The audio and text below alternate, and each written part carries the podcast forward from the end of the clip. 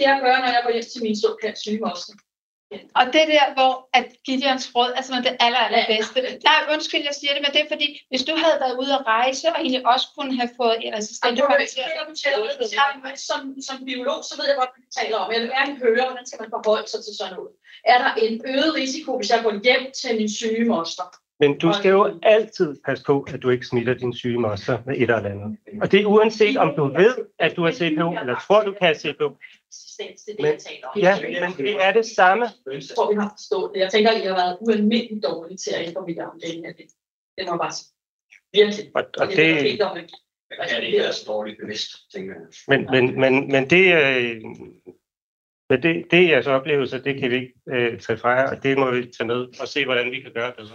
Ja, sådan øh, lyder det altså øh, i fredags, da Sundhedsstyrelsen og SSI havde inviteret bekymrede borgere til informationsmøde på Islands Brygge. Det her det var over en Teams-forbindelse, vi, vi lyttede med her. Det skulle handle om den sag, som vi har dækket rigtig meget her på en uafhængig morgen, nemlig sagen om de danske patienter, der har fået ordineret antibiotikapiller fra medicinalgiganten Sanders, som viste at øh, sig at indeholde CPO-bakterier, altså multiresistente bakterier. Og i det klip, I skal høre, øh, eller vi lige har hørt her, der, der, der er der altså nogle stridigheder, og det er generelt det, som morgen handler om, det er nemlig stridigheder. Fordi, og derfor så tænker jeg nemlig, at nu afhængig morgen i dag også er nødt til at være lidt en, en glad morgen, og det tror jeg nemlig, at der er brug for, fordi udover at vi skal tale om stridighederne her mellem SSI og Sundheds, mellem Sundhedsstyrelsen, SSI og, og så de her potentielt smittede øh, borgere med, med, et, med, med, med et medicinalprodukt, hvor de potentielt er blevet rigtig syge af det, så skal vi også tale med, med nogen, der, der ligger i, i, i en lidt, hvad skal man kalde det, hardcore nabostrid. Og øh, nabostridigheder, det er jo sådan en, en, en almen kendt ting her i Danmark, og kan vare i overviser. Og det er faktisk et problem, som cirka hver femte dansker kender til. Det viser en analyse lavet af A- og B-analyse, hvor øh, over 1000 mennesker medvirkede, og der var det altså lige knap 24 procent, der svarede ja til spørgsmål, om de inden for de seneste fem år har oplevet konflikter med naboer og genboere. Og i Helsingør Dagblad, nu skal vi nemlig til den historie, vi dykker ned i dag, der kan man løbende læse om en nabostridighed, som lige nu udspiller sig i Helsingør. Og for nylig så to nabostridighederne, altså nogle nye drejninger, blandt andet da den ene nabos bil bankede ind i den andens hus, samt at øh, der også for inden det har været, at den ene af parterne har kappet vandledning over til naboens hus, altså en nabo, som sidder i rullestol. Og øh, nu skal vi tale med dig, Erik Sten. Du ejer af Hotel Villa Brinkly og House by Hardy Helsingør, og en af, en af naboerne i den her stridighed. Godmorgen.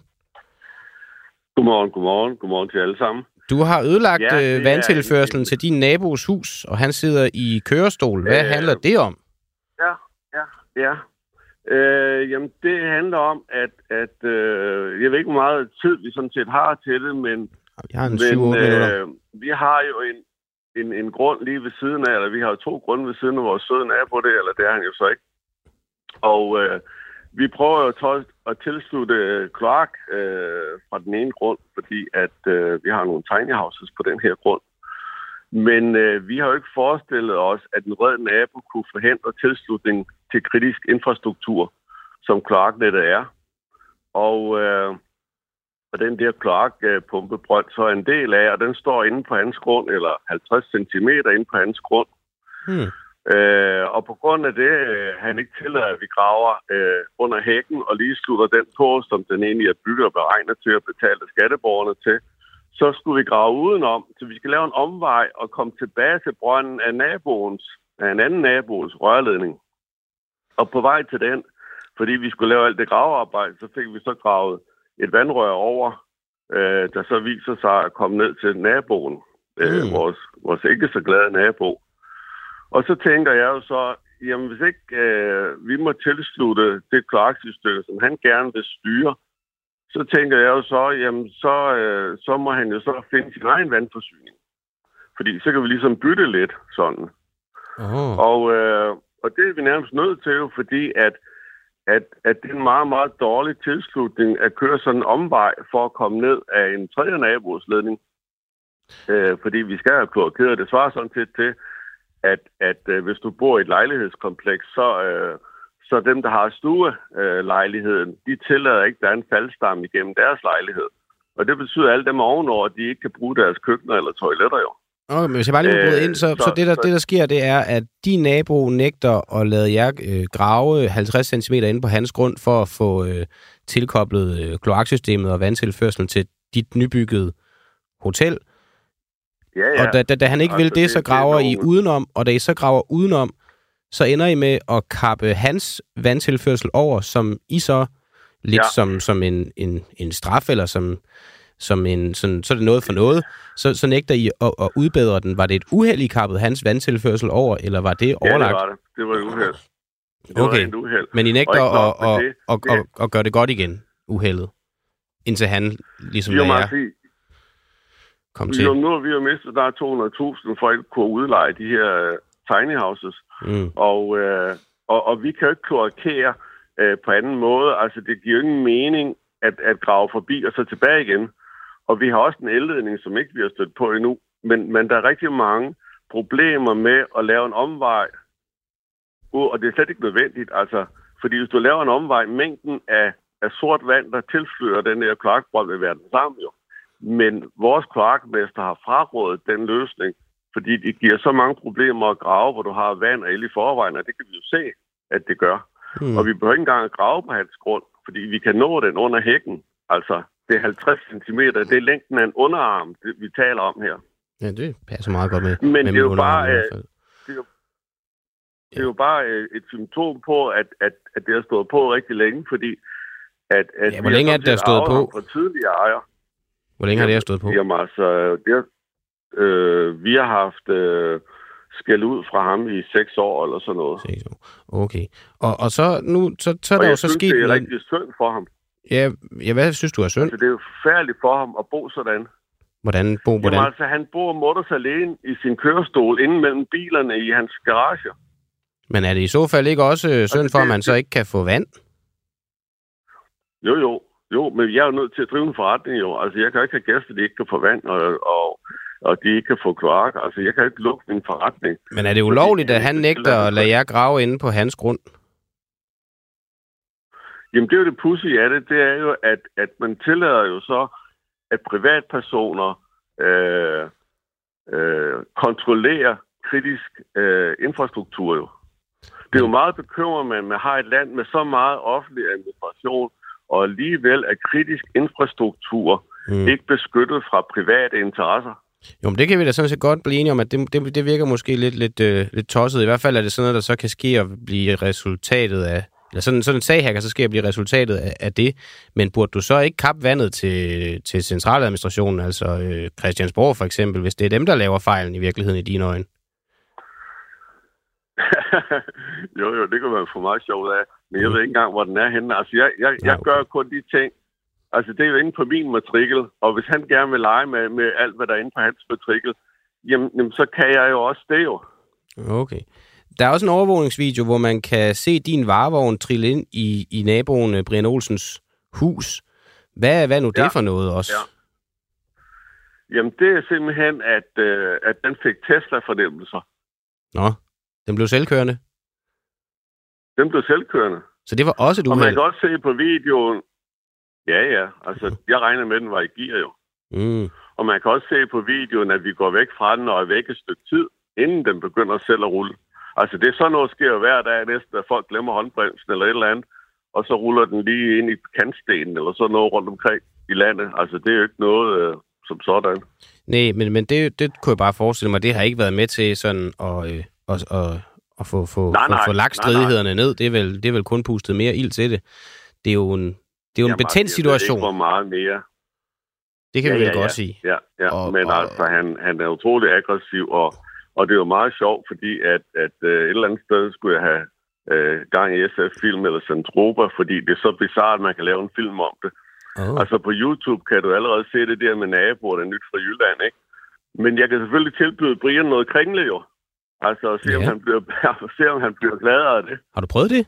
Men jeg har ondt af, at han er så, øh, så, han er så øh, hvad skal man sige, øh, skubbet væk fra, fra det der liv, som andre handicappede har, hvor at, at de kan tage i byen og øh, med deres kørestol og have det sjovt og mødes op på torvet og alle de der ting. Og så sidder han sådan set i en, en i hvert fald ifølge avisen, bor han inde på værkstedet. Øh, Mm. I en eller anden, øh, det er jo næsten en brandfælde, hvor at han så øh, har været de sidste 20 år jo Men Erik, hvad, kommer ud. Det er jo, det er jo, det er jo sørgeligt. Det, og, det, og det, hele den her situation er sørgelig, synes jeg. Og så bliver jeg bare nysgerrig på, hvad har dit bedste forsøg været på at få lagt stridsøkserne? Hvad er den bedste, sådan, det bedste forsøg, du har gjort på at få den her situation løst? Jamen, jamen jeg har jo flere gange været henne. Vi har tilbudt ham mad, og, og jeg har vist min bil til ham en gang, og sådan nogle ting, og prøvet på at få noget snak, men han, er, han, han vil ikke åbne døren, og Ja, ja. Mm. Han er meget bilinteresseret, så ja. jeg troede jo, at, han, at vi kunne få noget snak om det også, og sådan nogle ting, og vi har også tilbudt ham mad. Øh, så, så at, at øh, altså det, når du er ude i en, en, øh, et, et, et liv, du laver dårligere for dig selv hele tiden, så, så går det jo ikke den rigtige vej jo. Mm. Og jeg synes et eller andet sted, at man skulle have sådan et, et, et, et rejsehold, der kunne tage rundt og, og besøge de der handicappede, der har, eller andre, der har problemer, og så øh, ligesom få de her mennesker hjælp til at få omstillet det her. Øh, Men du lægger rigtig altså, meget skyld og, og over, på, øh, over på Brian, kan jeg høre. Øhm, har du ingen skyld, eller har du intet gjort galt i det her, den her nabostrid, Erik? Nej, det føler jeg ikke, fordi da vi kom der og købte den øh, bygning, så viste det sig jo, at tidligere ejer, som vi nu er venner med, øh, han oplevede jo, at Brian bestilte en lastbil til at sætte betonblokke op for hans indkørsel. Fordi mm. Brian ville ikke have, at han kørte på hans vej. Nå. Og problemet er, at, at der er en 75 år gammel vejret på den vej, men den vil Brian ikke anerkende. Mm. Og i og med, at vi ikke har nogen helikopter, så er det jo meget svært at nå frem til vores hus, uden at gå og køre på vejen. Og det er jo klart, at, at, at sådan noget bliver han jo meget vred over, at vi kører på en vej, hvis ikke han anerkender, at der er noget, der hedder vejret.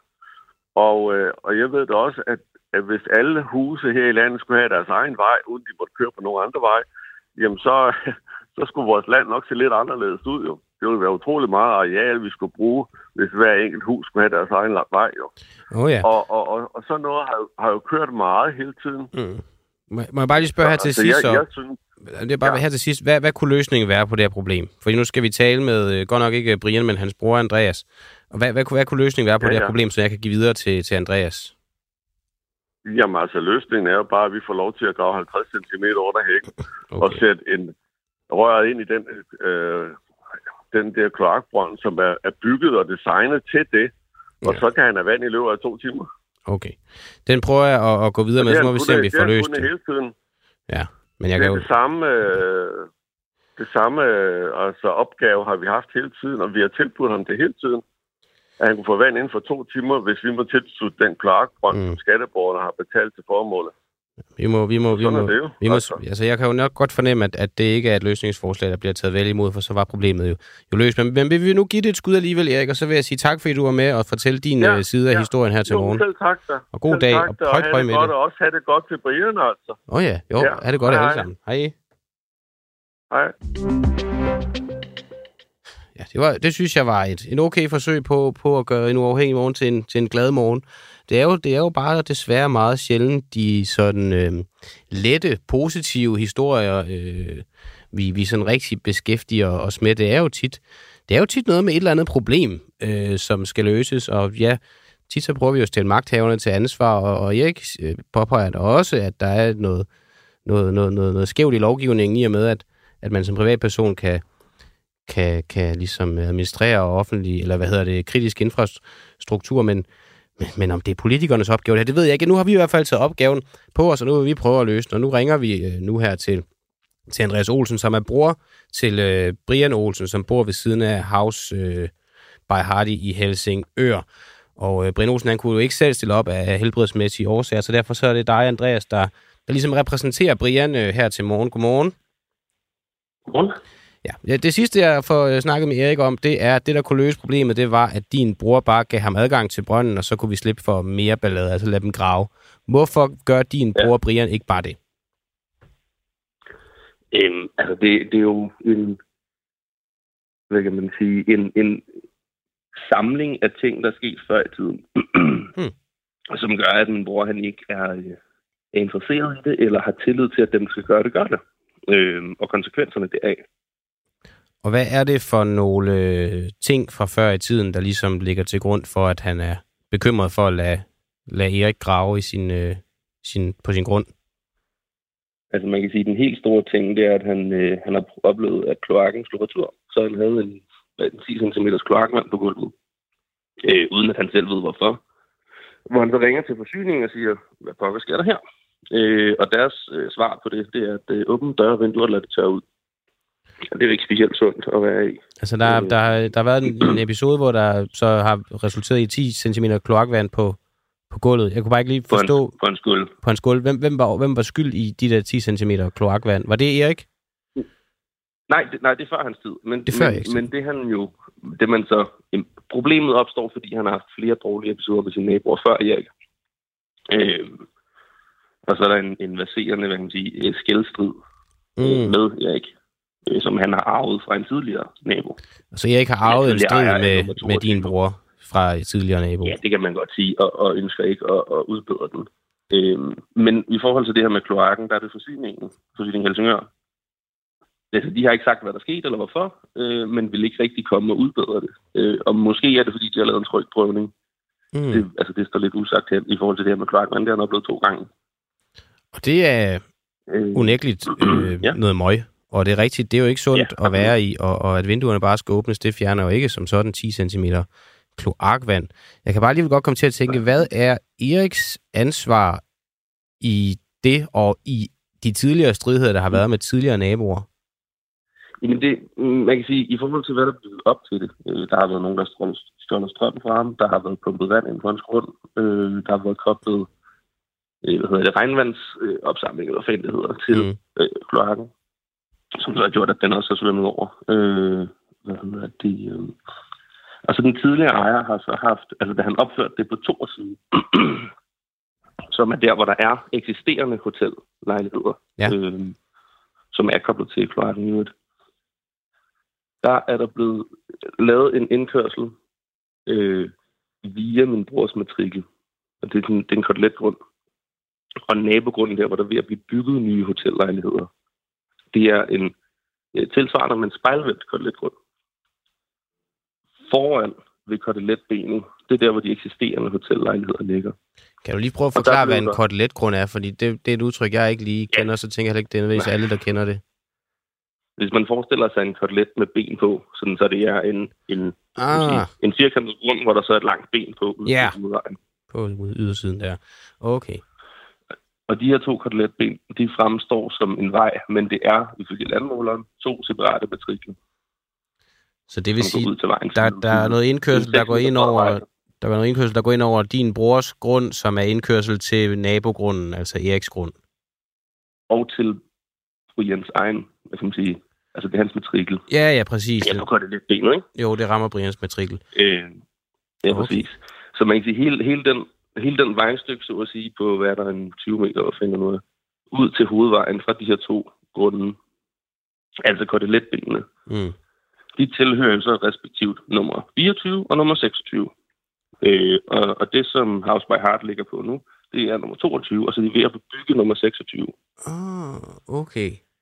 Og, og den indkørsel, der er lavet til nummer 22, er blevet lavet af der hedder Ulrik Mark, som vist også øh, ligger i disput med Du og Fyr på Bornholm, øh, hvor han er blevet politianmeldt for alt muligt mærkeligt, og der Oh. har kørt flere artikler. Den mand har lavet den her indkørsel, eller i hvert fald i den form, den har nu, via min brors ejendom.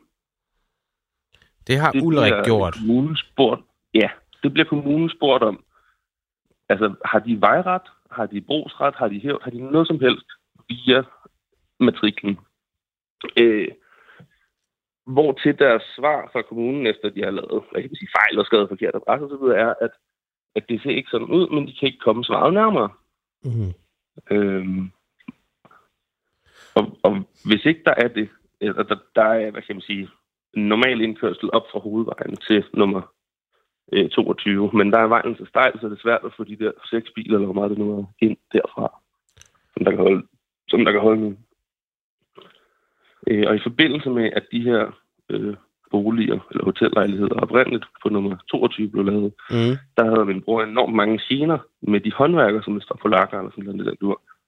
Øh, som dels parkeret på koteletbenet, Ja, altså min brors indkørsel, Mm. så han ikke kunne komme ud med sin egen bil. og det er et problem. Øh, og når ham den... Hvad for noget? Jeg siger, og det anerkender jeg bare, det er jo et problem. Ja, præcis. Øh, og det er blevet, altså, sagt til, til sige det offentlige, men det er også blevet sagt til, til den daværende ejer mange gange, og han var røvhammerne ligeglad. Men jeg kan jo så godt høre, at der er mange, du har jo helt ret i, der er jo mange små ting, der leder op til det her. Øh, som Ja. så, og, og, og det er jo blevet lidt af en, en, en, en hård snude. Øh, nu kulminerer det så i, at, øh, at, at, at Eriks varevogn triller ind i, i Brians hus, øh, hvilket jeg slet ikke Ja. kunne forestille mig har gjort noget bedre. Og jeg ved, altså, åh, ja, det er, jo- det, er- det er sådan, det er noget rigtig, noget rigtig kludermor. Jeg kan, jeg kan simpelthen ikke, jeg kan ikke se, hvordan det her det skulle blive løst. Hvad, hvad, hvad vil Brians, eller nu er du så repræsentant, men hvad, ja, hvad vil Brians bedste løsningsforslag være på at, at, at få, få det her problem kommet til livs, så der ikke skal være den her konflikt? Øh, jamen altså, altså det, hvis man skal starte et andet sted, de to kan ikke nå til enighed. Nå. Øh, af forskellige årsager. Øh, så derfor så, man kan sige, det vi har snakket om, som vil være den bedste løsning, det vil et være at få gravet egen vandledning ned. Øh, men der er en hel masse ting forbundet med det. Mm. Øh, Det lyder bøvlet. ja, og besværligt også, fordi det vil jo lukke adgangen til nummer 24 via Ja. den ulovlige indførsel i et stykke tid og så videre, ikke? Jo. Øh, og det vil være dyrt. Ja. Øh, og den anden, det vil så være få en advokat til ligesom at få, få grebet tingene øh, korrekt an. Øh, Så går rettens og vej. fordi det, man skal også, man skal, ja, præcis. Og man skal jo også huske på, at, at den her altså, øh, disput om hvorvidt indførslen til nummer 22 må foregå via matrikel fra, øh, eller fra nummer 24. For der er også noget med, med ekstra bro. Hvor ofte skal, skal vejen så repareres og udbedres? Hvad hvis der en falder og slår sig? Hvis ansvar er det så? Ja. Øh, altså, der er en masse, masse ting i det Det her. er rigtigt. Og i starten, hvor, hvor, øh, hvor Erik så blev, ikke sige konfronteret, men hvor han kom ind og spurgte om et eller andet, som jeg husker har fået forklaret. Og der sagde Brian så, jamen hvis du gider at stoppe med, eller hvis du vil fjerne din indkørsel, som i øvrigt er ulovlig, fra min matrikel, Mm. så kan vi godt snakke sammen. Hvortil at Erik så svarer, at det gider han ikke, når han købte den. Okay. Nå. Det, det sætter jo også lidt tonen, ikke? Jo, Øh, oh, ja. ja. og, Den, og, den er og man svær. kan sige, når, når, øhm, når Erik jo så ikke er interesseret i, hvad kan man sige, det, hvorfor skulle Brian så, når han i øvrigt også har høj, altså stor mistro til både forsyningen og til altså generelt naboer, Mm. hvorfor skulle han så være interesseret i, at de måske, måske laver et eller andet lort ved den her bombestation? Ja, det, det Øhm. skal jeg ikke kunne. Det, det kan jeg skal jeg ikke kunne sige, men jeg, jeg, det, der er jo, der, man, man kan jo godt forstå, hvis, altså, der, han, han er i hvert fald, øh, han er bange for, at, at noget skulle gå galt for ham på grund af nogle andres præcis, og arbejde, fordi det har- han har- oplevet før, Brian. Øh, Præcis. Og, og, han, Og han har ikke overskuddet til at ligesom håndtere Nej. efter øh, konsekvenserne af det. nej, okay. Hmm, okay. Øh, Nej. Jeg, men, men, men det helt store problem, som jeg ser det, hvis jeg må komme med mit take på ja, ja, bare den sidste her, Øh. fordi vores tid er nemlig gået, men øh, du skal have lov. Okay, jeg skynder mig super, gøre det super hurtigt. Øh, det er, at der ikke er nogen af de off- offentlige instanser, som har styr på, hvad fanden de laver. Hvis du tager Helsingør Kommune og går ind i deres byggesagsarkiver, det er et stort rod.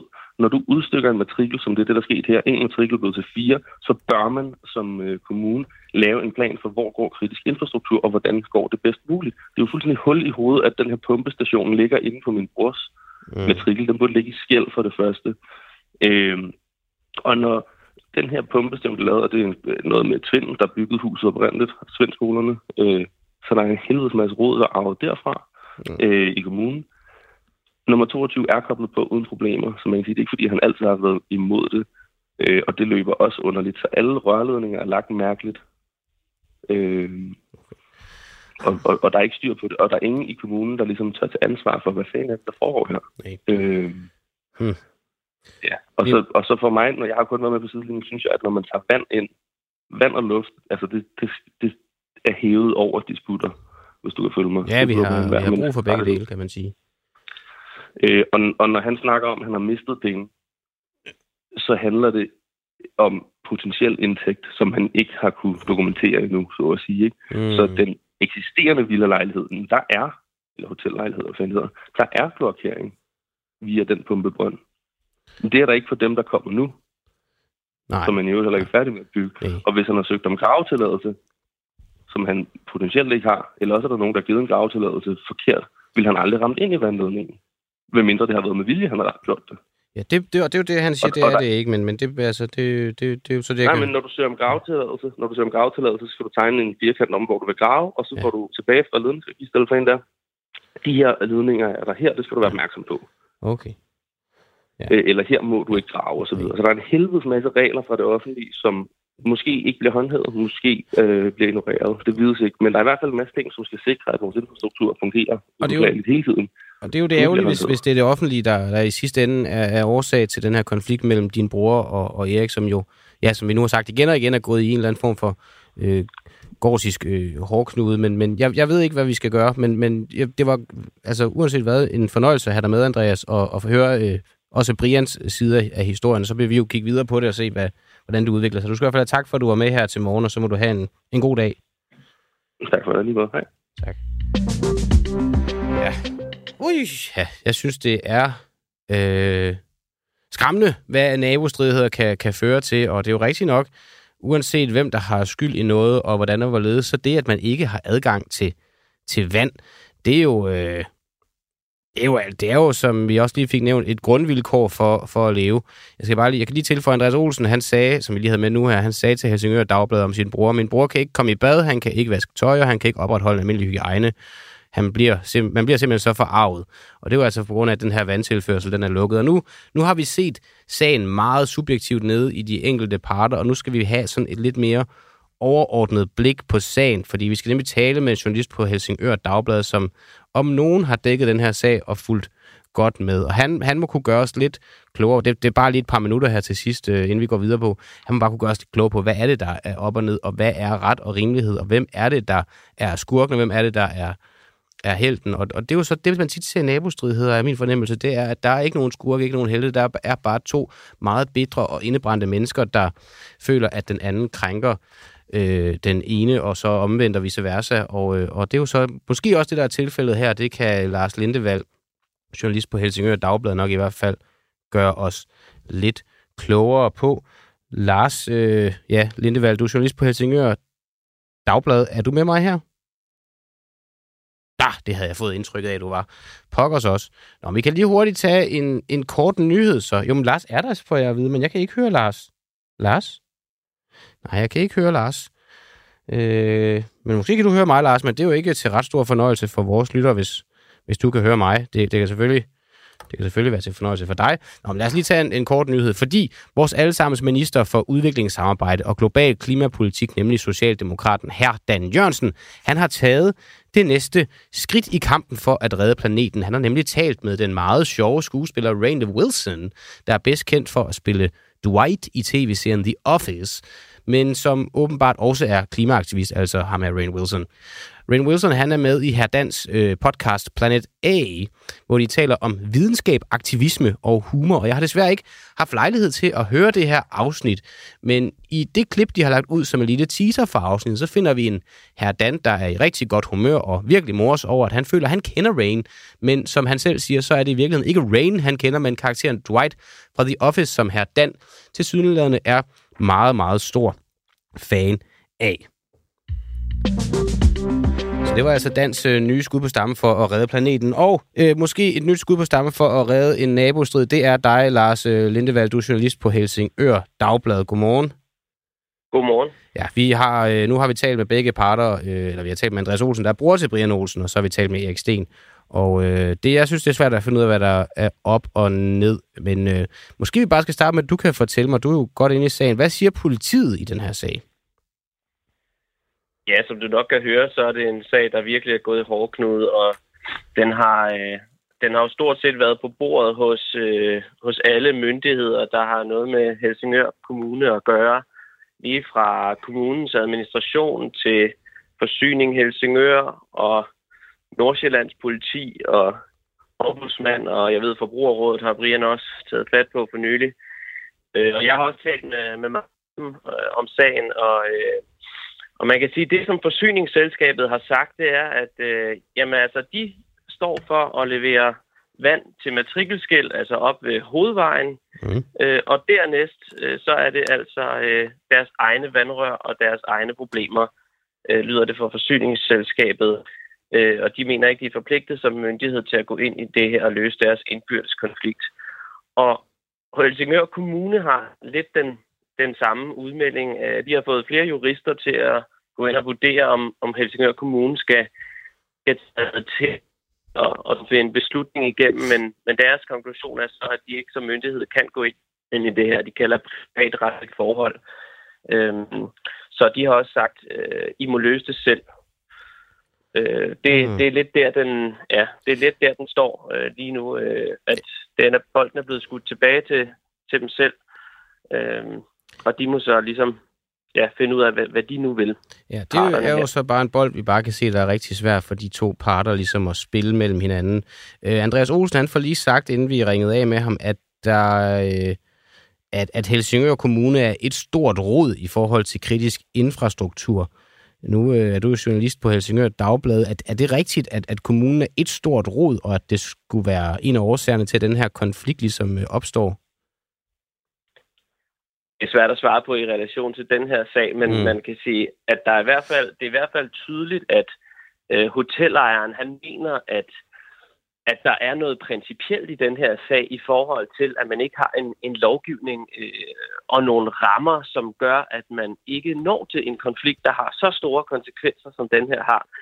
Hvis man, øh, hvis man, hvis man havde defineret nogle klare ting på et øh, stykke papir, øh, som begge parter kunne forholde sig til, så, så kunne man jo sådan set bare øh, gå, gå i gang med at få løst den her situation. Men, men, øh, men, men den, den er der ligesom ikke, og og, altså, øh, og det er jo også det, som øh, hotellejeren han slår på. Han mener, at det er noget, der ligefrem går op på folketingsniveau. Øh, om han har ret i det, ved jeg ikke, men, men, øh, men at det er at, at det er noget større, der, der ligesom skal definere, jamen hvad, øh, hvad, hvad gør man i sådan nogle situationer, hvor der er noget, noget måske noget fælles infrastruktur, mm. som altså står på, på én grundejers øh, grund. Ja, det er jo i hvert fald også bare uheldigt, når man så ikke kan, kan blive enige. Du, du er jo journalist og er forpligtet til at, at se og dække tingene objektivt og oppefra. Når du sådan lige ser det her oppefra, har du så en finger, du kan sætte på at sige, det er Erik, der har ret, eller det er Brian, der har ret, ud fra det sådan information, du har indsamlet? Det har jeg ikke, og det er mm. også ret afgørende for mig i, i den måde, jeg griber det an journalistisk på, at øh, det her det er en konflikt, hvor der er to parter, som, som du kan høre, som ser helt forskelligt på situationen, og som har hver deres argumenter øh, for at, at handle, som de nu gør. Og, og derfor er det rigtig vigtigt, at tror jeg, at man beskriver den her sag, så, øh, så, ja, så begge parter kan komme til ord med deres vision af sagen, uden overhovedet at tage stilling til, hvem der måtte have ret, og hvem, hvem der ikke har ret her. Okay. Hvad er det næste, du gør herfra som journalist? Hvilke spørgsmål vil du, vil du forfølge? Jeg vil, jeg vil gerne lidt mere ind i, øh, jeg vil gerne lidt mere ind i, hvad der ligger af gamle sager på den her grund. Øh, fordi som, som de også er inde på, øh, man kan sige, hvis det simpelthen øh, er sådan, så, øh, så det er noget rod med hensyn til, hvordan, ja, hvordan man har øh, eksempelvis tinglyst øh, de her ting, der står på den her grund eller lignende, så kunne det være relevant at, at søge agtindsigt i nogle af de tidligere sager, der har været på, på den her grund så er det nok også en sag, der, der naturligt vil udvikle sig, øh, og hvor der vil, vil være nogle, nogle ting at følge op på journalistisk. Øh, der er jo nok ikke øh, nogen tvivl om, at som du kan høre, så, øh, så er det rigtig svært at nå til en, en løsning øh, på, øh, på almindelig øh, fredsomlig vis. Så der er jo noget, der, der nok taler for, at det kan ende med en, med en retssag, mm. som vi naturligvis også vil følge. Øh, og begge parter har jo ligesom sagt, at det er nok at den vej, de vil gå i, i sidste ende. Der er de da enige. Så er der så er der også noget i forhold til, øh, som, som Brians bror var inde på. Øh, en mulighed kunne også være, at Brian får for vand simpelthen prøver at etablere sit eget vandrør. Men der har forsyningsselskabet øh, så været inde på, at det er ikke sikkert, at det rent øh, lovgivningsmæssigt kan tillades, fordi de siger, at det vil koste skatteyderne penge, hvis man skal lave en alternativ løsning, og det, det må de, ifølge de oplysninger, jeg har fået, ikke ja. udkende, at der kan komme nogle ekstra udgifter til en ny løsning, fordi de ikke kan finde en løsning på det oprindelige problem. Nå, okay. Jamen, så må vi jo se, hvad, hvad der så sker, og øh, når, når du det ikke lige lyder til at være en mulighed, så må man jo finde en anden, eller også, som du siger, gå, gå rettens vej. Vi vil også øh, følge med, og så kan det være, at vi tales, tales ved. Øh, Lars Lindevald, du er journalist på Helsingør Dagblad, og tak fordi du var med her til morgen og giver os det lidt mere overordnet blik på sagen. Bestemt, og tak fordi I tog fat på sagen. Ja, det er også, der takker. Så skal vi til en anden stridighed. Det er en stridig morgen, det her. Og øh, vi skal nemlig tale om, hvorvidt sundhedsmyndighederne har svigtet de tusindvis af potentielt smittede discilinpatienter. Fordi i fredags, som jeg startede med udsendelsen med, så havde Sundhedsstyrelsen og Statens Serum Institut inviteret bekymrede borgere til informationsmøde på Islands Brygge. Og det skulle handle om den sag, som vi har dækket rigtig meget her på en i morgen, nemlig sagen om danske patienter, der har fået ordineret antibiotikapiller fra medicinalgiganten Sanders, som så viste at indeholde sig af det, man kalder for CPO-bakterier, altså multiresistente bakterier, bakterier, man i sidste ende kan blive syg af, eller som i hvert fald kan stå i vejen for, at antibiotika kan virke på dig. Og i det klip, I skal høre nu, så fortæller overlæge fra Sundhedsstyrelsen, Gideon Erdner, hvad man efter længere tids betænkning nu har besluttet sig at, at anbefale fra, fra Sundhedsstyrelsens side til de bekymrede patienter. Og det lyder sådan her. Det, som vi er, er opmærksom på, det er, hvis I har grund til bekymring, hvis I, øh, hvis I er syge, mm. eller hvis I føler, hvis I er syge og føler, at I får det værre, skal I gå til lægen, som dig, og skal sørge for almindelig god hygiejne. Vask hænder. Grundigt. Særligt, når I var på toilettet. Og jeg ved godt, at det her... Jeg tror ikke, du ved, jeg tror ikke, du ved, hvor meget det betyder i hver en familie, at vi står med den her over hovedet. Altså, det, er, offerne, det, det er så voldsomt at få at vide, at man kan være befægt med sådan noget, og så ikke vide, at man er det. Det, det, det, det, det, det er min retssikkerhed, der er krænket dybt alvorligt. Men I, I, I må altså lade mig fortælle, at, at det er faktisk det bedste råd, vi kan give det her, og det er et godt råd. Det er ikke godt nok råd. Det er det altså ikke. Det er ikke et godt nok råd, det er det altså ikke. Anne Mette Bjerre, du er discilinpatient og medforfatter til brevet opråb fra patienter, som har taget det tilbagekaldte præparater. Du var også en del af det her møde. Du synes ikke, det er et godt nok råd. Hvorfor synes du ikke det?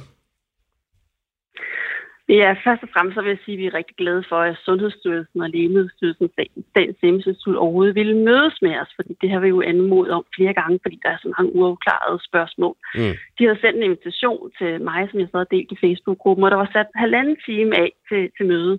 Og som I kunne høre der i klippet, så var der jo en meget trykket stemning blandt de fremmødte, fordi der er så meget på spil, og der er så stor frustration og usikker omkring det.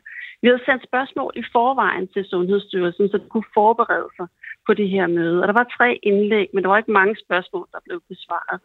Mm. Øhm, et af de punkter, som var meget magtpålæggende, det er jo det her omkring de her test, øhm, som, som vi jo rigtig gerne vil have, og en regning, som man jo meget hurtigt kan sende til, til Sanders. Øh, men vi fik jo at vide på mødet, at der blev ikke tilbudt nogen test. Det gav jo et, et rammeskrig. Øh, argumentet er, at testen kun er 50 procent sikker. Øh, det oplevede vi jo også under corona, hvor testen ikke var så sikker. Men en mulighed kunne jo være at teste os to-tre gange med et mm. eller andet interval, og igen sende regningen til Sanders. Et andet argument er, at en positiv test skal give unødig bekymring. Men vi mener stadigvæk, og som I også kunne høre her i klippet, at vi har ret til selv at bestemme, hvad der er bedst for os. Det er en tvivl, at at, øh, at vi skal gå og bekymre os, og fordi vi ikke ved, om vi er, er smittet eller ikke smittet. Og vi ønsker at være på forkant af en eventuel infektion eller sygdom, og vi ønsker også at tage de forholdsregler for ikke at smitte andre. Så er der et tredje argument fra myndighederne, som lyder på, at øh, CPO sandsynligvis forsvinder efter 6 måneder. Men vi kunne ikke få nogen tal på den sandsynlighed. Og omvendt så ved vi, at forskere på Københavns Universitet har publiceret et studie fra 21, som viser, at inaktive bakterier, de ligger faktisk i dvale med de multiresistente bakterier. Og de bliver aktive igen, når de bliver udsat for antibiotika. Det vil altså sige, at man er stadigvæk multiresistent, og antibiotika fortsat ikke virker. Okay. Vi har jo fået bekræftet, at der er 34 personer, som er konstateret smittet, og det lyder jo ikke meget, af det er 79.000, som, øh, som som faktisk kan være omfattet af det her. Men det skal jo så ses i lyset af, at der ikke er nogen mulighed for at blive testet, med mindre at man har, er syg og har tegn på, på, at man kunne have den her bakterie. Men der kan jo gå år med det her. Det er ikke sikkert, at man bliver syg med det samme, men der kan jo gå år før det her det viser sig. Vi spurgte selvfølgelig, hvor mange er blevet testet, men det vidste Statens Serum Institut ikke, altså dem, okay. som er ansvarlige for overvågningen af de smitsomme sygdomme. Vi kunne få at vide, at der var 10 ud af 34 personer, som er testet positivt, som er døde. Men at de ikke er døde af CPO, men med CPO. Og det er ens egen læge, der vurderer, om de døde af eller med. Mm. Vi har jo opfordret til, at øh, vi alle sammen, 79.000, blev kontaktet via e-boks, for at man ved besked om det her. Øh, det blev ikke taget op på møde, men Lægemiddelstyrelsen har i hvert fald i sidste uge annonceret med et andet lægemiddel, at man har øh, kontaktet dem via e-boks. Så det kan jo altså lade sig gøre, men der man fravalgt i det her tilfælde.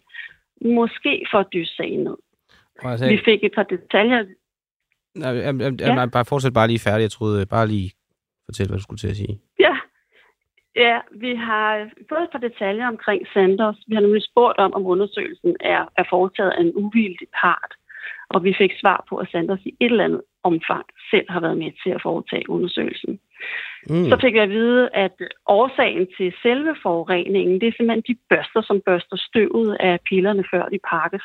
Og de har ikke været desinficeret. De har de ikke for produktioner fra februar til september 22. Det er ret lang tid. Så spurgte vi om, hvorfor der manglede prøvemateriale på nogle tilbagekaldte batches, som så ikke har kunnet blive undersøgt. Det kunne vi ikke få svar på. Og det er jo sådan, at det er et krav, at en fremstiller af et lægemiddel skal opbevare referenceprøver af hver batch. Og det skal de jo selvfølgelig for, at de senere hen eventuelt kan undersøge, hvis der går et eller andet galt.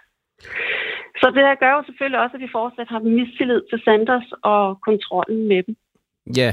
Yeah. Øh, vi blev, ja, Øhm, en ting, vi blev klogere på, det var det her med, hvorfor vi skal i isolation på hospitalet, uanset hvad vi bliver indlagt med. Øhm, I forhold til, at vi ikke skal tage, tage anden, andre forholdsregler end, end egentlig bare god håndhygiejne, når vi befinder os ude i det pulveriserende liv. Øh, og den eneste årsag er sådan set, at vi på hospitalet kan smitte flere, hvorimod at øh, hvis vi bare kan smitte vores gamle syge moster, så øh, er det ikke så omfangsrigt. Så håndhygiejne er måske ikke helt nok, når vi besøger vores gamle moster, hvis hun er syg og svag. Og i forhold til de her tests, som jeg jo så kan forstå, øh, det, er, det er jo noget af det, I, I, I slår ret hårdt på, at, at I gerne vil testes, fordi I ikke ved, om, om I er smittet. Så, så, så, så falder det jo også tilbage på, hvem der har ansvaret, hvem skal i så fald finansiere de her tests. Det var også en af spørgsmålene, der blev, der blev stillet, som I gerne vil have svar på, hvem der har ansvaret. Lad os bare lige høre et lille klip fra, øh, fra mødet her. Hvis Sanders ikke skal bære en i det her, så skal den næste i ledet. Og I sidder alle sammen og ved, hvem det er. Det kan ikke være rigtigt, det her. Sanders har produktansvar. Jamen, hvad har lægestyrelsen? De har jo også ansvar. Ja, ja, ja. Vi, vi hører, hvad jeg siger. Det er det værste, man næsten kan sige i den her øh, øh sammenhæng. Og godt høre den frustration, der er.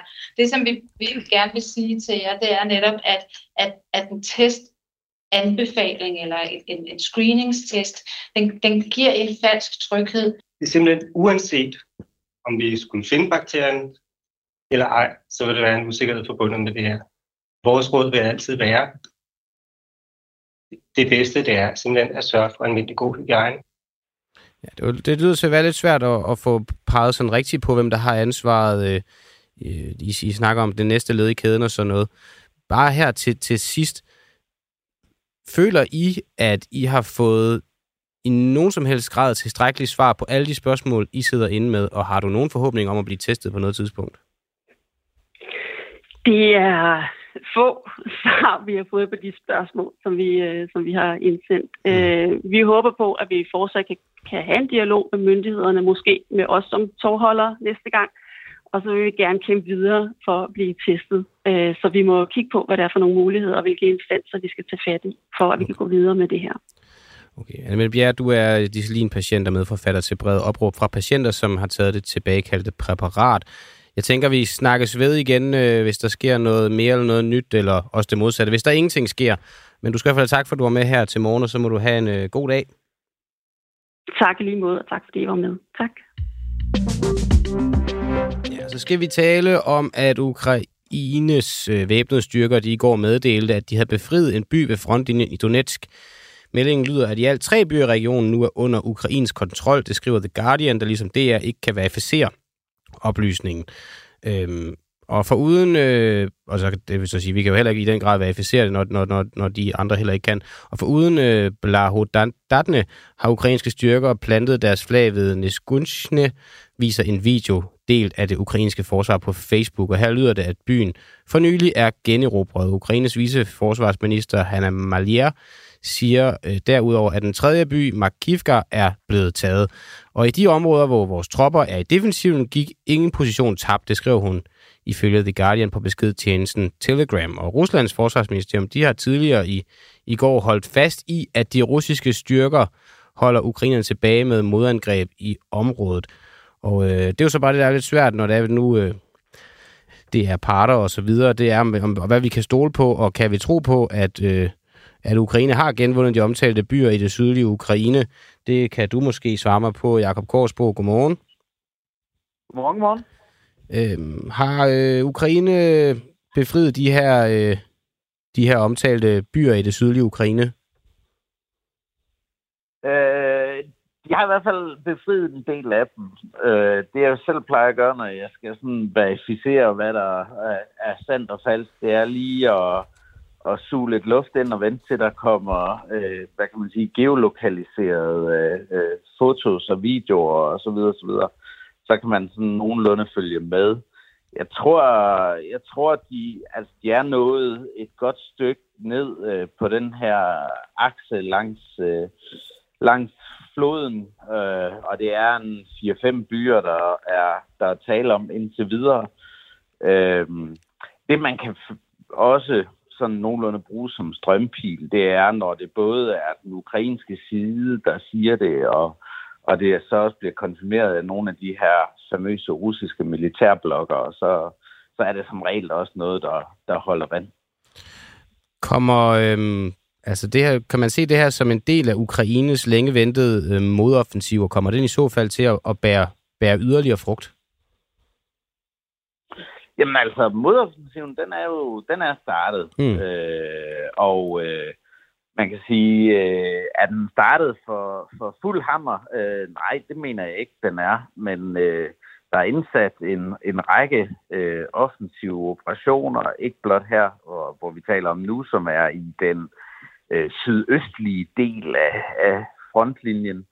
Øhm, og, øh, og, og der kan man se, at ukrainerne ligesom føler modstanderen på tænderne for at finde ud af, jamen, hvor er de, de bløde punkter henne? Øh, hvor skal vi slå til for at have de bedste muligheder for at, at lave et hurtigt avancement? Øh, de byer, vi har talt om nu, det er ikke nogen, hvor der går sådan en, øh, en, en hvad kan man sige, en russisk hoveddefensiv linje, øh, men den, den møder øh, ukrainerne formentlig i løbet af i dag eller i morgen. Øh, den ligger nemlig lidt længere sydpå. Så der tror jeg, at øh, russerne vil sætte flere øh, styrker ind for at forsvare sig. Øh, det, jeg kan forestille mig så, det er, at ukrainerne øh, så venter der og siger, okay, nu har vi avanceret øh, 16 kilometer, øh, og, øh, og så, så angriber de andre steder. Fordi de prøver ligesom at udtømme de her russiske reserver, der går ind for at, at støtte op om forsvaret på forskellige dele af frontlinjen, før de finder ud over, af, hvor de skal sætte hovedangreb ind. Og nu, det her det har været sådan lidt en, altså vi har prøvet at kalde det for en, en glad morgen, for vi har snakket om rigtig mange stridigheder. Der har både været nogle nabostridigheder, vi har talt om, og så har vi talt om nogle stridigheder mellem nogle øh, patienter og, og lægemiddelstyrelsen. Og det her, det er jo ved Gud også noget af en stridighed. Det er nok den største, der er lige pt. Øhm, denne her modoffensiv fra Ukraine, er der nogen som helst form for sandsynlighed for, at den kan blive krigens endeligt, eller kommer den bare til at, at sparke endnu mere gang i krigen mellem Rusland og Ukraine? Jamen altså, der, der er øh, nogen sandsynlighed for, at, øh, at det kan blive krigens endeligt. Øh, det kommer jo selvfølgelig an på, hvordan man definerer det. Jeg vil sige det sådan, hvis man tror, at Ukraine kan få fred, så længe øh, Putin er ved magten i Kreml, tror jeg godt, man kan tro om igen. Fordi det, det, så vil der fortsætte øh, med at være stridigheder, uanset hvordan. Men man kan så også vende det om og sige, at hvis, hvis det russiske, hvis de russiske forsvarsstyrker i Ukraine knækker, øh, hvis øh, Krim kommer under pres, øh, hvilket jeg tror, der er en ret høj sandsynlighed for, at, at Krim vil gøre, mm. jamen så kommer Putin sandsynligvis også under pres, fordi så vil øh, øh presset på hans styre stige øh, på grund af et, øh, ja, et svine militært nederlag. Ikke? Øh, så, så så det er ikke til at sige lige præcis, hvad der vil ske på den, på den lange bane, men der er i hvert fald en god sandsynlighed for, at ukrainerne kommer ned til det Azovske hav, derfra kan lægge pres på Krim og de styrker, som, øh, som russerne har i den vestlige del af, af den, den sydlige sektor i, øh, i Ukraine. Nu ved jeg godt, at alle de her geografiske benævnelser, de er lidt svære på telefon og, og i radioen, men, men, men, men i, i Kherson-området, lige nord for, for Krim, der tror jeg faktisk ikke, ukrainerne vil angribe øh, for nu, fordi øh, først vil de forsøge at komme ned til det Azovske hav, og så afskære de styrker, og så vil de have nemmere ved at, at nedslide dem. Okay. Jakob Korsbo, du er tidligere chefanalytiker i Forsvarets efterretningstjeneste. Tak fordi du var med her til morgen, og så må du have en uh, god dag. I lige måde da. Håndhæver Danmark internationale sanktioner. En mand i Næstved har igennem en årrække spillet en central rolle i Nordkorea og andre stater som Iran og Syriens omgåelse af internationale sanktioner. FN de har bestemt som en del af sanktionerne, at man ikke må sælge forsikringer til for eksempel Nordkoreas skibe. Forsikringerne, og grund til, at vi lige taler om dem, de er livgivende for skibene, da de uden forsikringer hverken kan lægge til i havne eller tanke. Det har en mand i Næstved dog været ligeglad med, da han igennem sit ukendte forsikringsselskab i en årrække hjælp Nordkorea med forsikringscertifikater. Alt dette og, og meget mere, det fortæller du og din kollega Lasse Skov i Information i disse dage, og ikke mindst i jeres øh, nye bog, Forbudt Farvand, Sebastian Abrahamsen. Du er journalist på Jyllandsposten. Godmorgen. Godmorgen. Hvem er, øh, hvem er den her mand, jeg lige nævner, og hvorfor øh, har han vækket jeres interesse? Han er jo en, øh, en gådefuld herre, den her øh, David Skinner. Øh, han er britisk statsborger og øh, har som sagt boet i Næstved, øh, fordi han er dansk gift, og øh, han har sat det ud til en eller anden karriere bag sig i sådan skibsforsikringsbranchen, mm. øh, inden han så etablerer øh, sit eget firma, som han kalder for DGS Marine. Øhm, og det er lidt svært at blive klog på, hvem han egentlig er. Altså, øh, ifølge et CV, han engang har skrevet, så er han født og opvokset i London, Øh, hans ene bror påstår så, at han i virkeligheden er vokset op i Sydafrika. Øh, men altså, så allerede der er det lidt, øh, er han lidt øh, en gådefuld person, ikke? Men, øh, men han etablerer ligesom det her firma, DGS Marine, som skal, skal, skal sælge sådan nogle skibsforsikringer til, øh, til skibe, som har brug for de her forsikringer, hvis de gerne vil have lov at sejle, komme i havn forskellige steder. Øh, fordi uden sådan en forsikring, så er der ikke nogen havn, der vil tage imod dig, hvis du kommer til at sejle ind i nogen, eller der ligger olie ud af dit skib, eller mm. sådan noget. Så skal der være en forsikring til at dække det, ikke?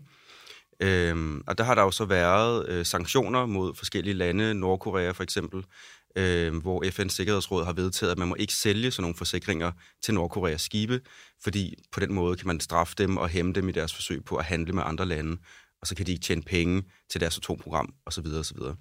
Men det har han som sagt været ligeglad med, og øh, har solgt den til dem alligevel, og, øhm, og det er jo et brud på internationale sanktioner, han, han har gjort sig skyldig i der. Men en ting er, at han er ligeglad, og noget andet det er, at, at det kan lade sig gøre, at det mm. så rent faktisk lykkedes. Øhm, hvor, hvor, altså, hvordan, hvordan kan han det? Hvordan kan han omgå internationale sanktioner, sådan at nordkoreanske skibe i princippet kan lægge til i, i, i havne i Danmark? Det har faktisk været forbavsende nemt, ser det ud til. Altså, han har oprettet sådan et spind af selskaber, som har ligget øh, på British Virgin Islands og i Liechtenstein og alle mulige forskellige steder, Bahamas, øh, og så også i London, Kyberen og Danmark, som sagt. Øhm, og der har han så bare hævdet, at øh, de her firmaer, der har ligget rundt omkring i verden, at de i virkeligheden var ejet af et holdingselskab, som lå i Danmark. Det forklarede han dem i Storbritannien, deres myndigheder, da de begyndte at interessere sig for, hvem øh, han var. Øhm, og det har de bare troet på. Men det her firma, holdingfirma i Danmark har ligesom aldrig eksisteret. Mm. Der har så ligget et øh, på Bahamas, øh, som ikke havde lov til at, at sælge forsikringer heller. Så han har aldrig haft et firma noget sted, der rigtig havde lov til at sælge forsikringer.